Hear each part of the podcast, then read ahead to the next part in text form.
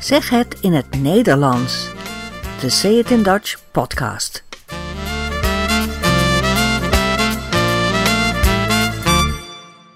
Nummer 5.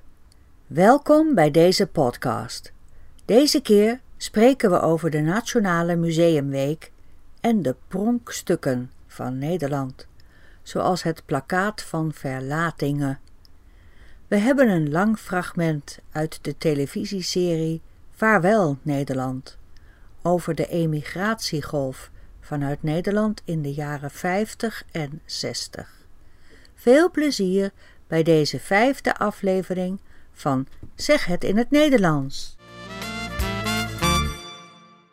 Ik weet niet of je wel eens in een museum komt, maar in Nederland kun je kiezen uit meer dan 600 musea. Musea is het meervoud van museum. Eén museum, twee musea. En in Nederland dus 600 musea.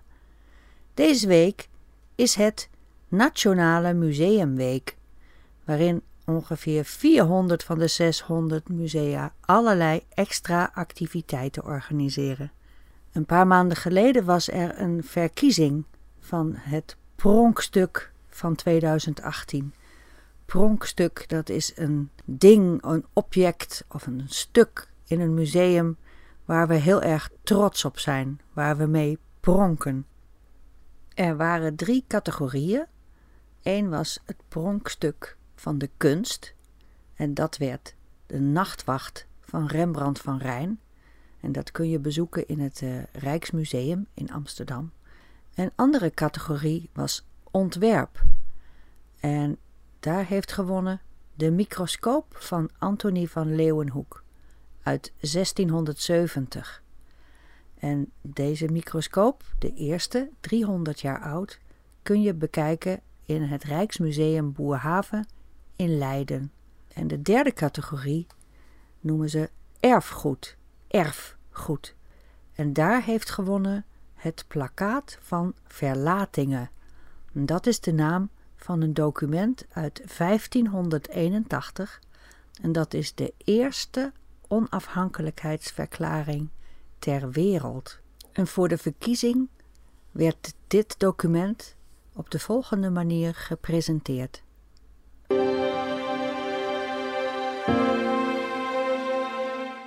Het plakkaat van verlatingen dat wordt ook wel het geboortekaartje van Nederland genoemd. Het is een onafhankelijkheidsverklaring uit 1581, die later als inspiratiebron diende voor de Amerikaanse onafhankelijkheidsverklaring. En dan kunnen wij natuurlijk heel trots zeggen, nou beter goed gejat dan slecht bedacht. Oef, dat ging een beetje snel. Er is nog een presentatie die iets langzamer gaat. Luister maar. Wist u dat het plakkaat van verlatingen het geboortekaartje is van Nederland? En dat het de eerste onafhankelijkheidsverklaring is ter wereld? Waarom dit het pronkstuk van Nederland moet worden, leg ik u binnenkort uit. Het geboortekaartje van Nederland. Toen Nederland werd geboren, werd er een kaartje gemaakt. En dat is het plakkaat van verlatingen.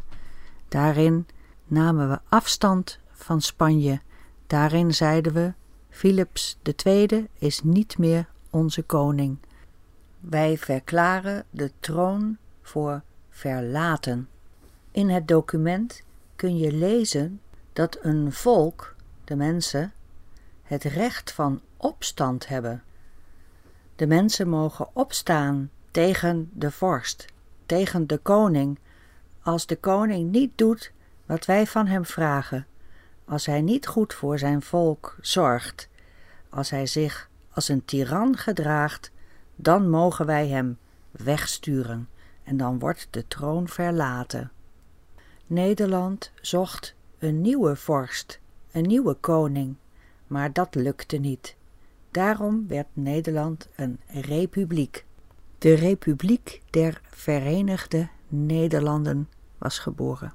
Wat in de eerste presentatie is gezegd: het is een onafhankelijkheidsverklaring uit 1581, die later als inspiratiebron dient voor de Amerikaanse onafhankelijkheidsverklaring. Dat is de Declaration of Independence uit 1776, dus bijna 200 jaar later. En dan kunnen wij natuurlijk heel trots zeggen: beter goed gejat dan slecht bedacht. Goed gejat betekent goed gestolen.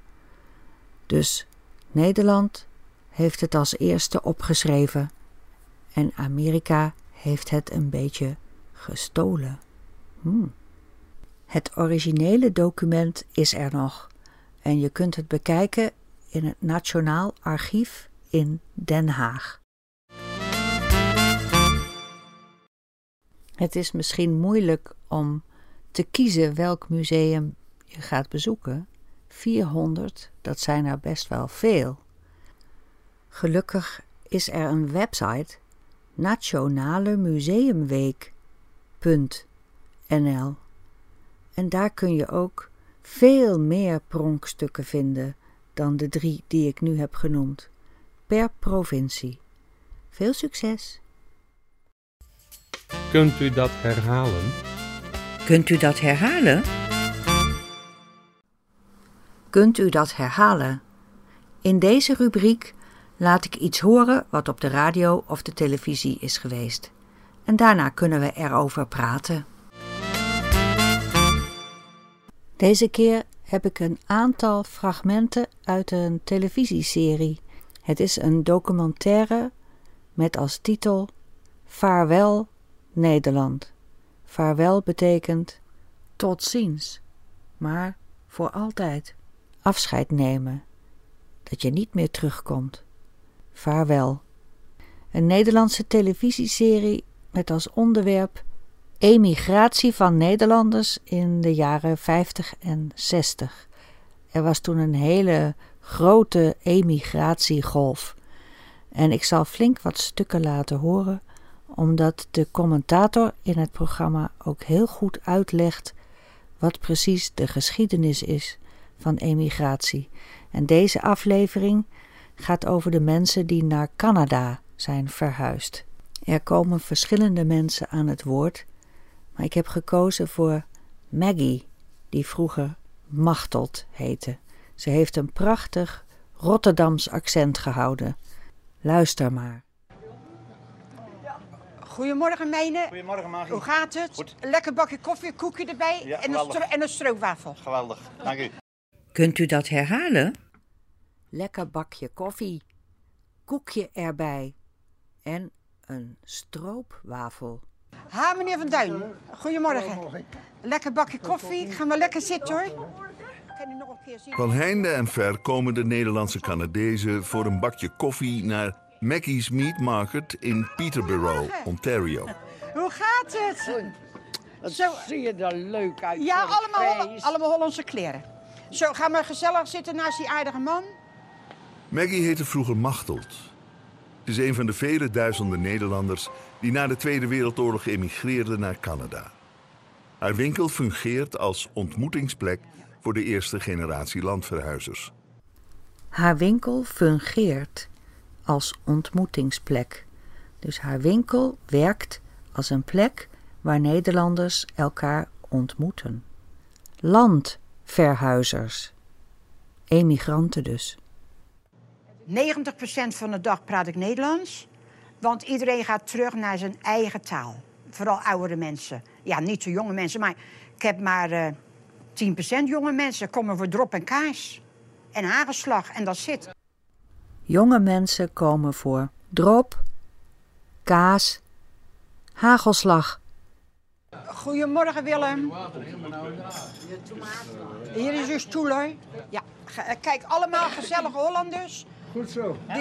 Goedemorgen. Goedemorgen. Eh, Gaat het zo? Ken u, eh, ja, ik hou en dus mensen komen hier eh, voor te kopen, voor de gezelligheid, voor allerlei redenen. Oké, ik, heb hem, ik heb een beetje. hoor. En dan zijn er mensen die zijn zo eenzaam, die hebben een man verloren, geen familie erbij.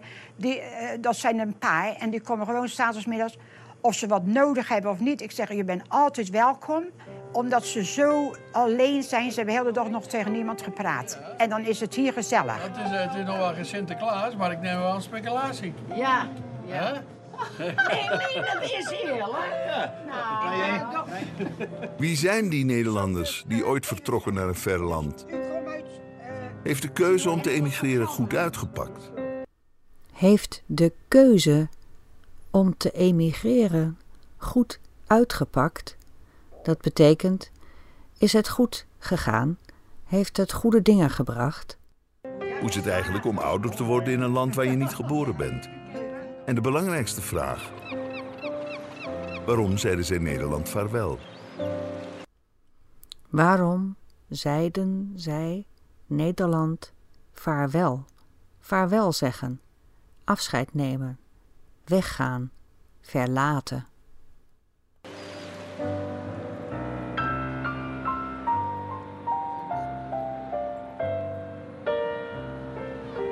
Om die vraag goed te kunnen beantwoorden, moeten we terug in de tijd naar het Nederland van 1945.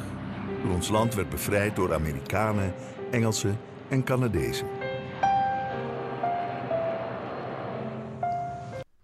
In 1945 kwamen heel veel soldaten in Nederland. Soldaten uit Amerika, uit Engeland en uit Canada. En natuurlijk ontmoetten zij daar jonge vrouwen, jonge meisjes. Dus heel veel soldaten kregen een relatie met een Nederlandse vrouw.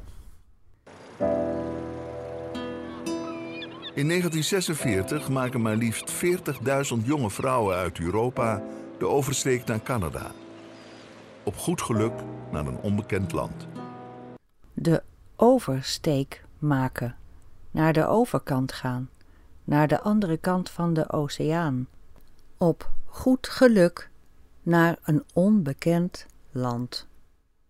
Deze kleine emigratiegolf is een prelude op wat er na de Tweede Wereldoorlog zal gaan gebeuren.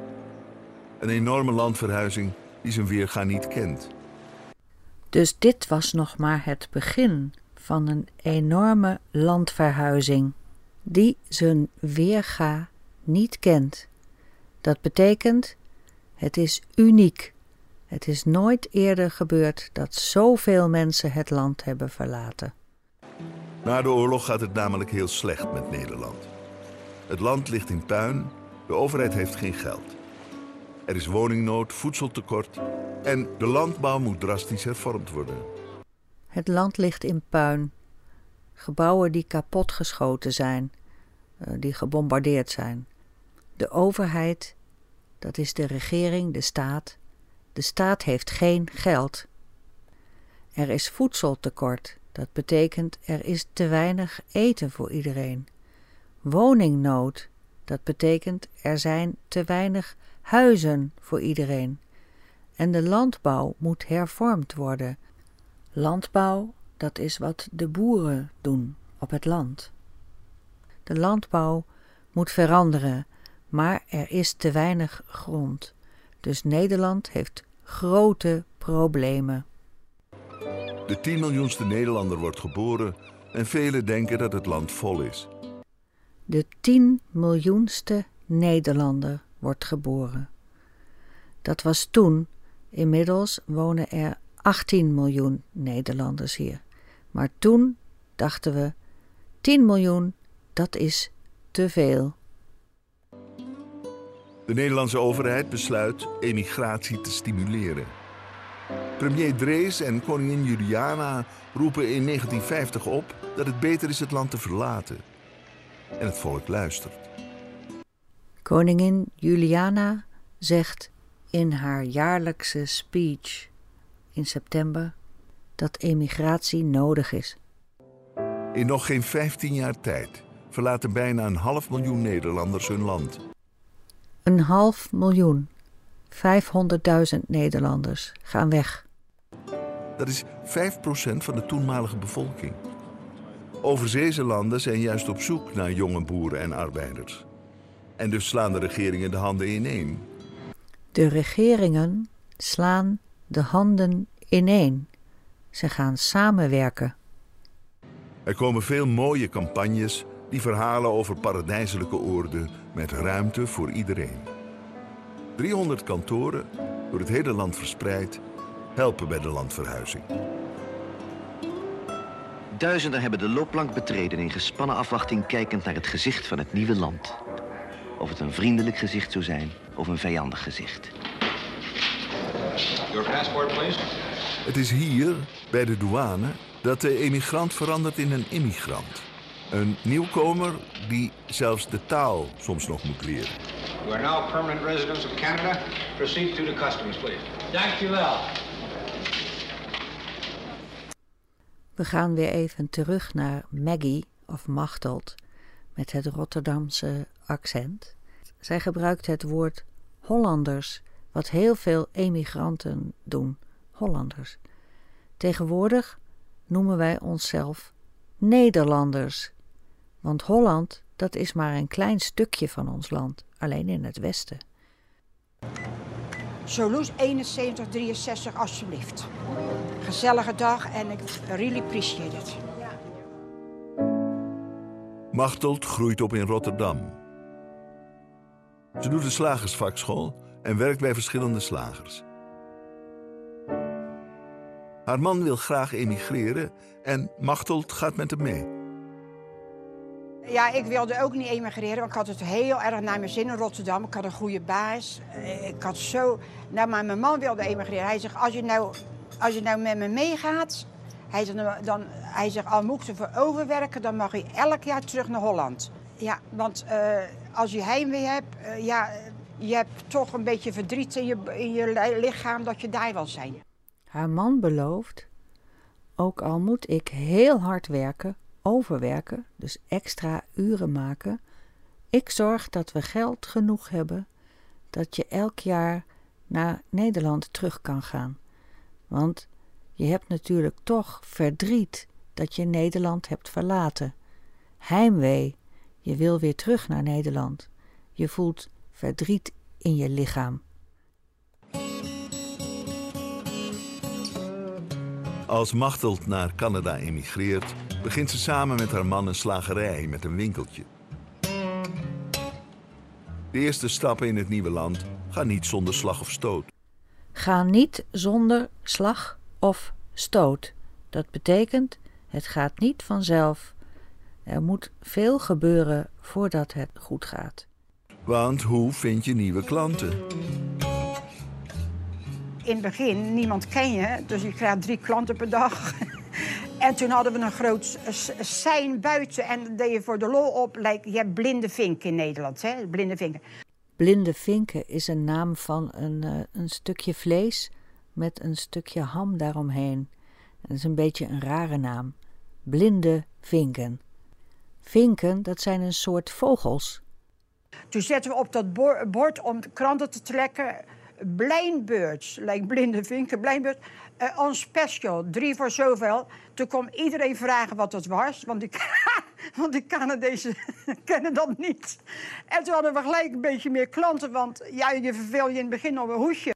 Je verveelt je in het begin, want je hebt heel weinig klanten. Want je, iedereen moet je leren kennen.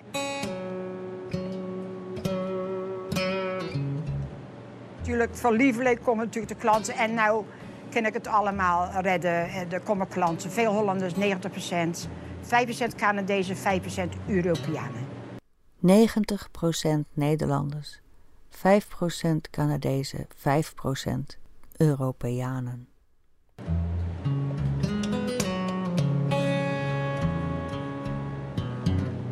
De man van Maggie is inmiddels overleden. Ze is 78 jaar en werkt nog elke dag in de slagerij. Aan stoppen met werken denkt ze geen moment. Want thuis zitten, dan ben ik zo dood. In mijn gevoel. Ben je met mijn eigen raadhuis. Ik weet met mezelf, ik weet met mijn eigen geen raad. Ik weet met mezelf geen raad. Ik weet niet wat ik moet doen als ik thuis zit. Ja, s'avonds wel, een mooi boek lezen. Maar niet heel de dag, dan word, ik, dan word ik nog stijver. Dus ik kan het beste maar lopen in de weer, zijn uitbenen, alles doen. Want eh, dit is mijn lust en mijn leven. Dit is mijn lust en mijn leven. Dit is het mooiste wat er is. We zien hoe zij nog hard aan het werk is met het uitbenen van vlees als slager.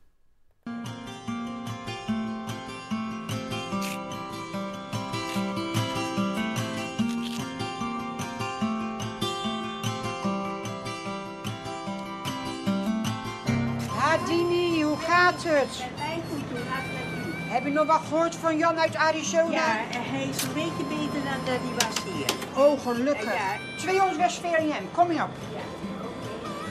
Heb je trek in een plakje ham? Kijk, dat was over. Hier, eet maar lekker op. Dank u wel. Prima. Uh, are you Dutch or Canadian? Dutch. Oh, 100%? Ja. Oh, leuk. Ja, leuk. Een paar studenten bij Say It in Dutch zijn kind of kleinkind van emigranten, van Nederlanders die in de jaren 50 en 60 de oversteek hebben gemaakt.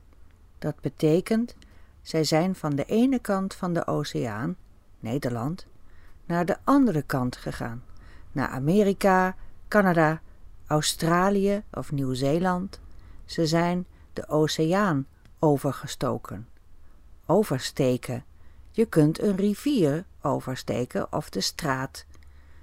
De oceaan oversteken is een grote stap. Een nieuw leven opbouwen en Nederland vaarwel zeggen. De serie heeft meer afleveringen. Misschien dat ik een volgende keer een ander stukje laat horen.